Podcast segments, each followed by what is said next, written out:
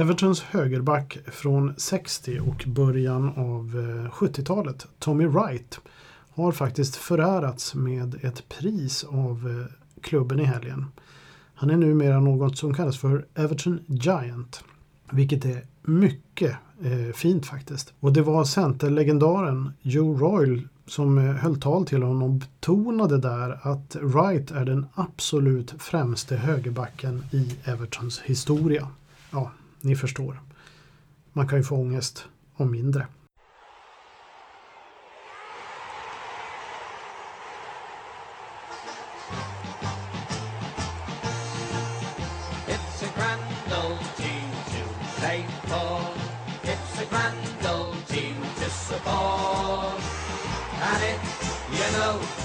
history. It's enough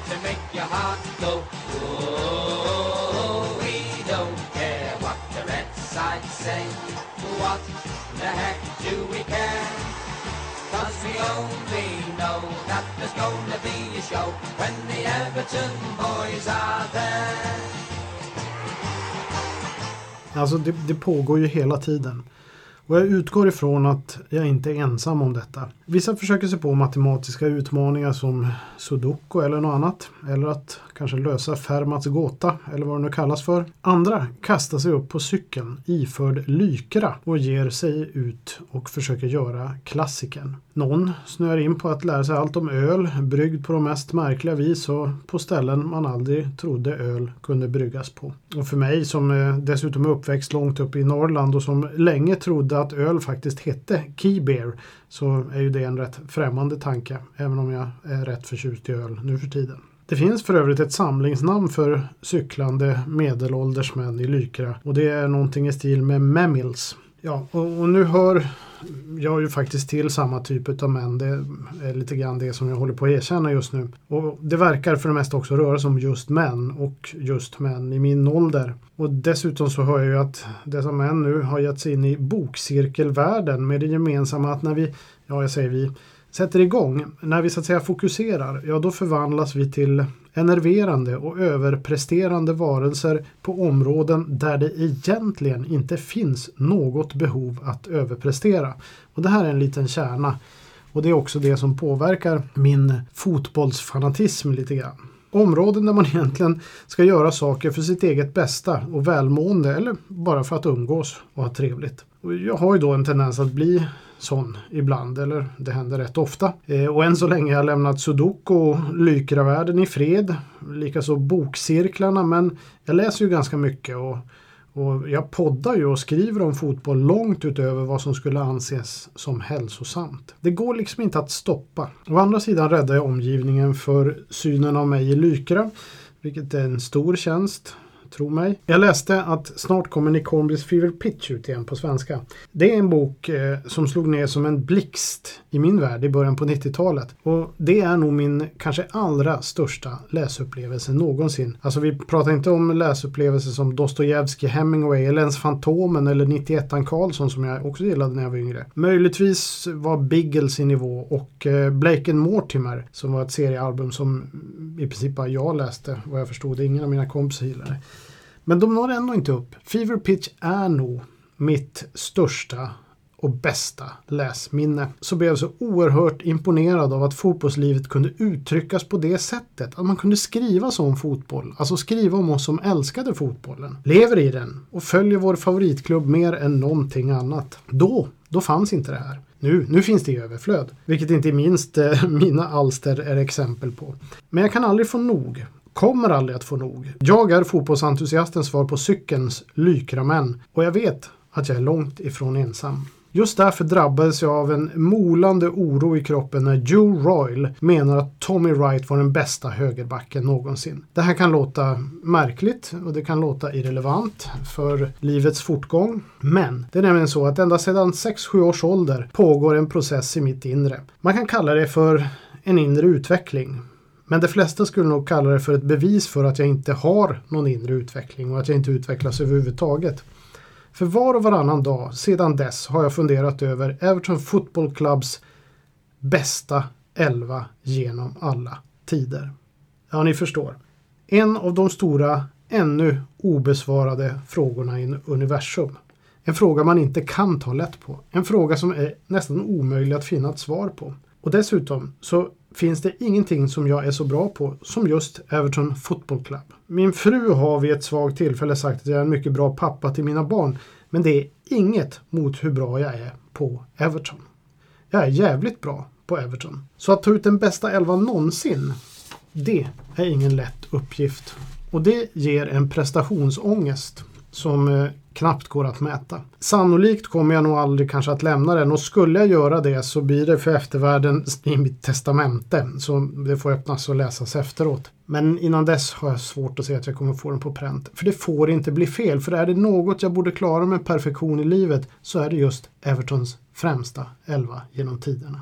Prestationsångesten går ju som sagt inte att mäta, vilket är ovanligt mig, för i övrigt i livet är jag rätt easy going, förutom när jag snör in på vissa områden som engelsk fotboll och så. Men jag är nog en kille som tycker att ett halvfullt glas är en bra början till ett fyllt glas. Ja, det är därför jag egentligen inte har några problem med att spotta ur poddar likt den här. Men Evertons första elva, Ja, det är svårare det. Och just högerbacksplatsen är ju ett svårlöst sudoku. Som 80-talist är man uppvuxen med Gary Stevens, den engelske landslagsmannen som var med och vann det mesta med Everton då. Jag har alltid varit en stor beundrare av Stevens. Men jag säger inte att jag kommer att ta ut honom. Jag vill bara förtydliga att jag är en av beundrarna och att jag håller på med lite hypoteser här. Samtidigt vet jag ju att George Best hävdade att just Tommy Wright, han som Joe Royal gav ett pris häromdagen, var den svåraste motståndaren som eh, Nordirländarna faktiskt mött. Wright också engelsk landslagsman, också framgångsrik och medlem av den berömda Harry Catterick-eran. Utan att nedvärdera andra högerbackar genom åren så är det trots allt dessa två, Stevens och Wright, som hamnar längst fram för en plats i den här makalösa elvan. Joe Royle som för övrigt eh, till och från varit en viktig figur i Everton sedan 60-talet har sett både Stevens och Wright och för den delen en del, del andra bra högerbackar. Han har under en period också varit manager för Everton samt spelat ihop med Wright, så hans ord väger tungt. Och detta är ju då självfallet ingenting som jag kan svara på idag, men det är ändå ett sätt att bevis, beskriva komplexiteten av att ta ut en sån här äh, fantastisk elva. Och då är ändå högerbacksplatsen en av de mindre svåra positionerna där shortlisten inte är allt för lång egentligen. Eh, vi vill faktiskt inte ens tänka på mittfältet och centerforwardplatsen. Där kommer det att bli svårt. Och detta är då inte något ilandsproblem eller ens svaret på livets gåta. Av vi som har läst Liftans guide till galaxen vet förut att svaret på livets gåta är 42 tror jag det var. Utan det här är betydligt värre än så. Framförallt är det ett sätt att beskriva den fanatiske fotbollssupporten, eh, personen som jag, Lykramannen eller den som alltid har Lykra på gång. Eh, alltid är sugen på att ta på sig Lykra i något sammanhang. Alltid sugen på att snöa in på någonting. Den fanatiska fotbollssupporten med andra ord. Och det här beskrivs så oerhört bra i Nick Hornbys bok. Det som också är kännetecknande för oss är att det finns inga glädjeämnen som vi inte kan förvandla till stora problem. Lidande till det som driver oss framåt och blir vår livslust. Något jag för övrigt tog upp redan i den andra Old School-podden om jag inte missminner. Jag heter Per Malmqvist och ni lyssnar på Old School Football Podcast men nu tänkte jag att vi skulle lida lite till.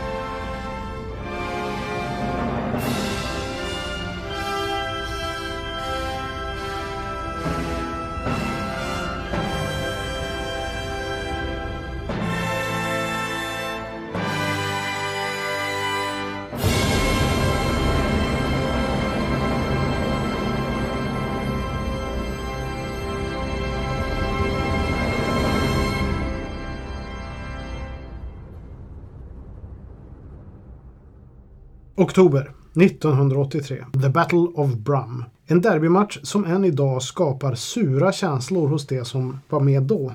Birmingham Citys Kevin Broadhurst är först på bollen i en match vars intensitet redan passerat gränsen till, till det ohälsosamma. Långt förbi. I samma ögonblick som han ska ta bollen ser han Aston Villas Steve McMahon lyfta från marken och därefter med fötterna före på väg i luften. Rakt mot Broadhurst med en tackling som i dagens fotboll skulle ge uppemot 12 matchers avstängning.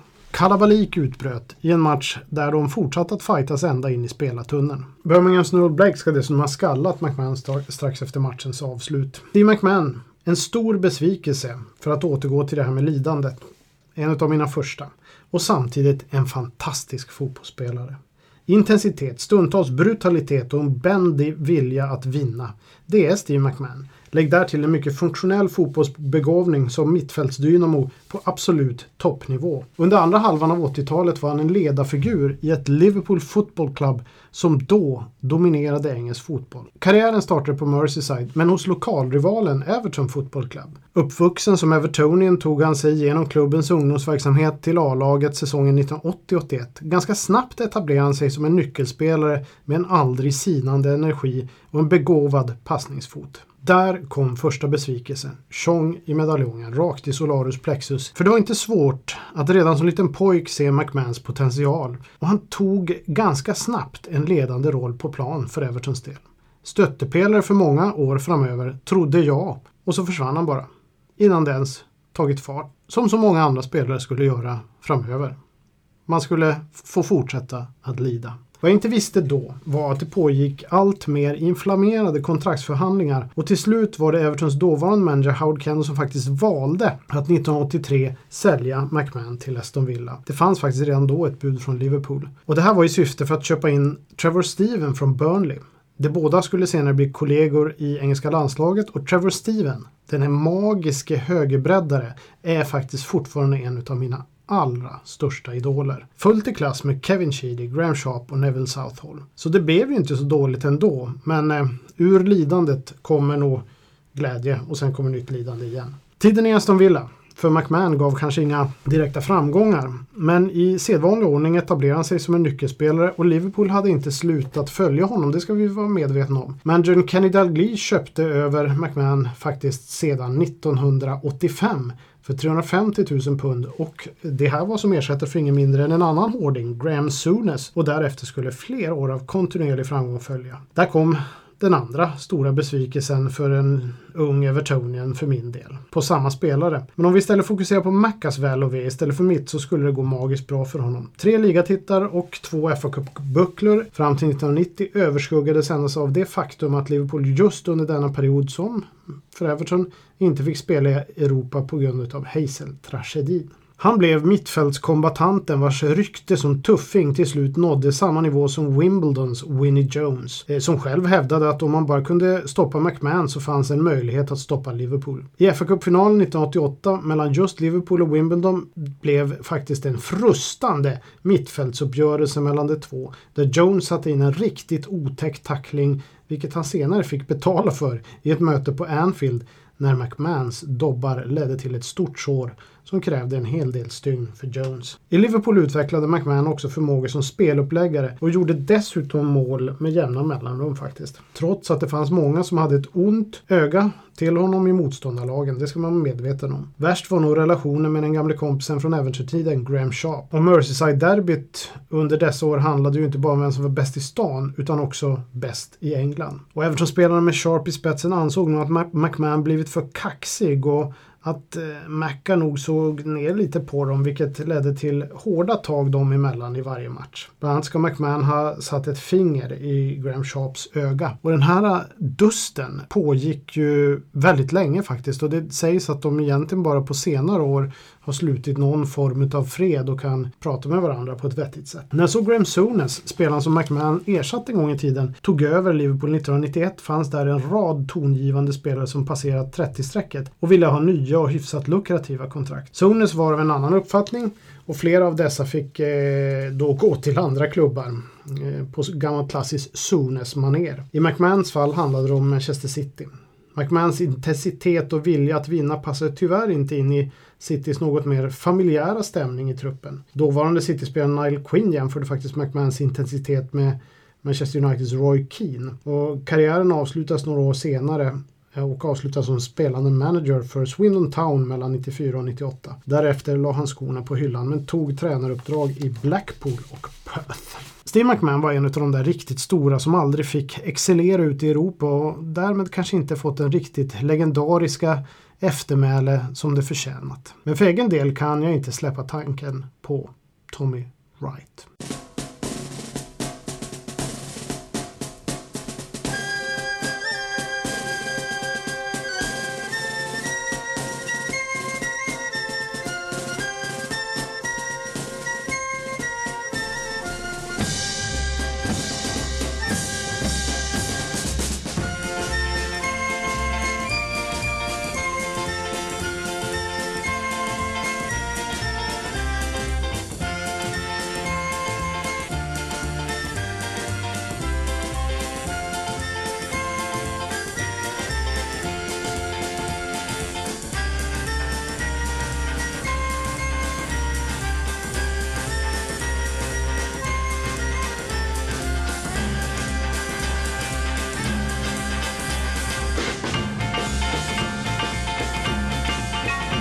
Det är stort galej.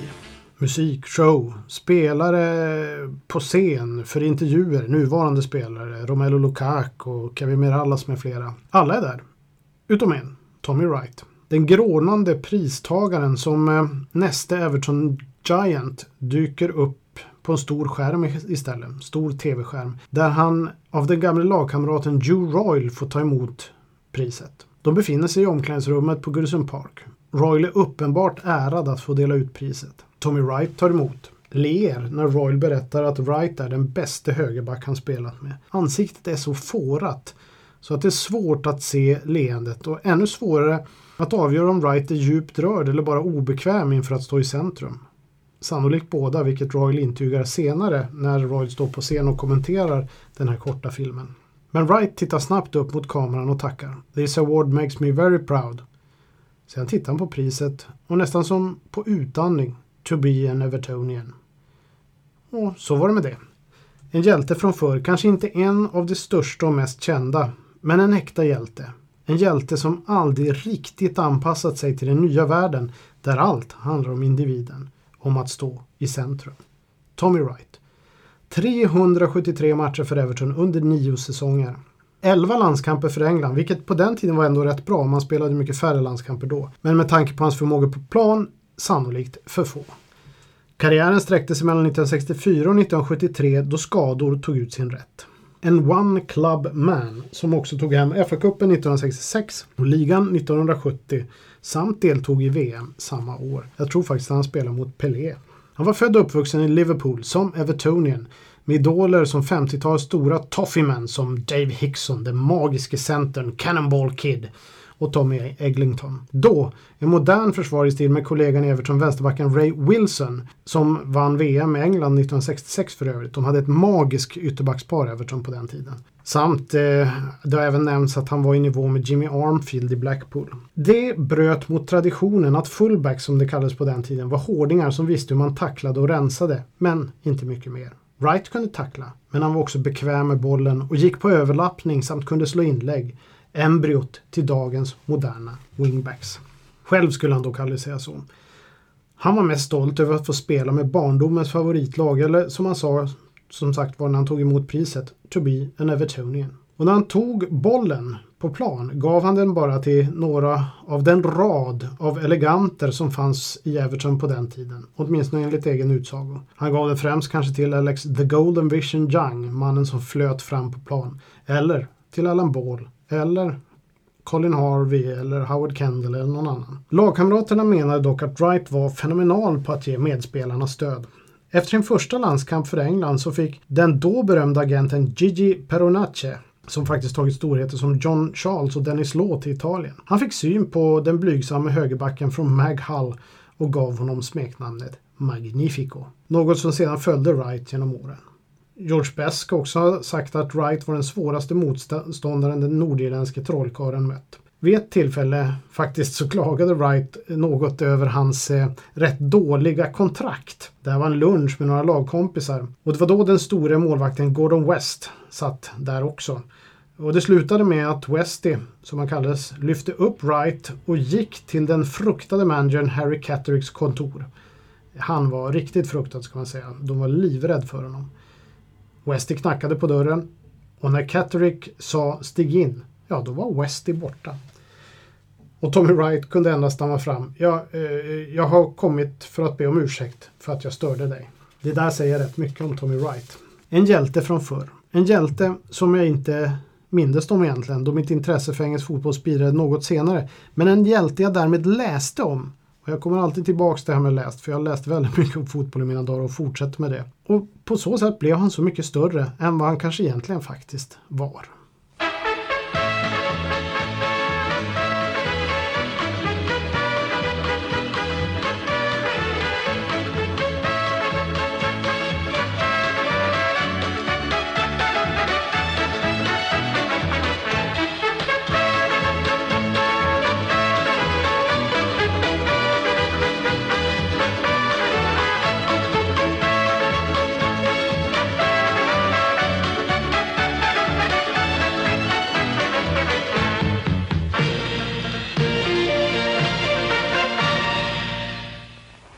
Hello, good evening. We hope you like the new music and we hope too you like the new program. Vi närmar oss avspark. Klockan 13.30 svensk tid börjar helgen. Först ut, nere på sydkusten, AFC Bournemouth mot Tottenham Hotspur.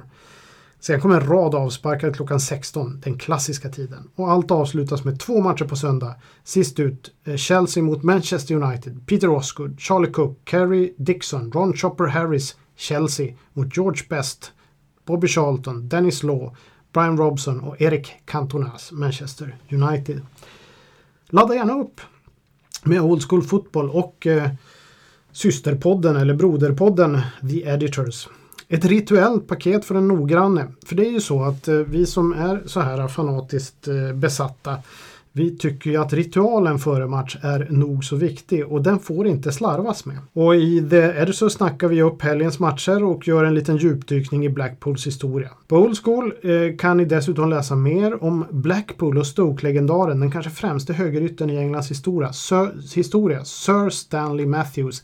Där har vi en modern ytter före den moderna tiden, höll jag på att säga. Och så kanske jag kommer att lägga upp några short stories för att krydda. Det här är någonting som eh, jag har sagt kommer att komma, har inte kommit ännu, men jag tror att det kommer de första i helgen. Eh, kan hända det blir lite the battle of Goodison när Leeds eh, och Everton brakade samman en gång i tiden, 1964 tror jag det var. Kanske lite grann om Stanley Matthews eh, final, ja vi får se vad det blir. Men nu, nu ska vi fylla bägaren med öl. Ta den första klunken. Lyssna på det här från fotboll, från då till nu från drömmar till fakta, från personliga perspektiv till nödvändiga ritualer. Men innan dess, Old School Fotboll i väntan på lördag. Skål på er!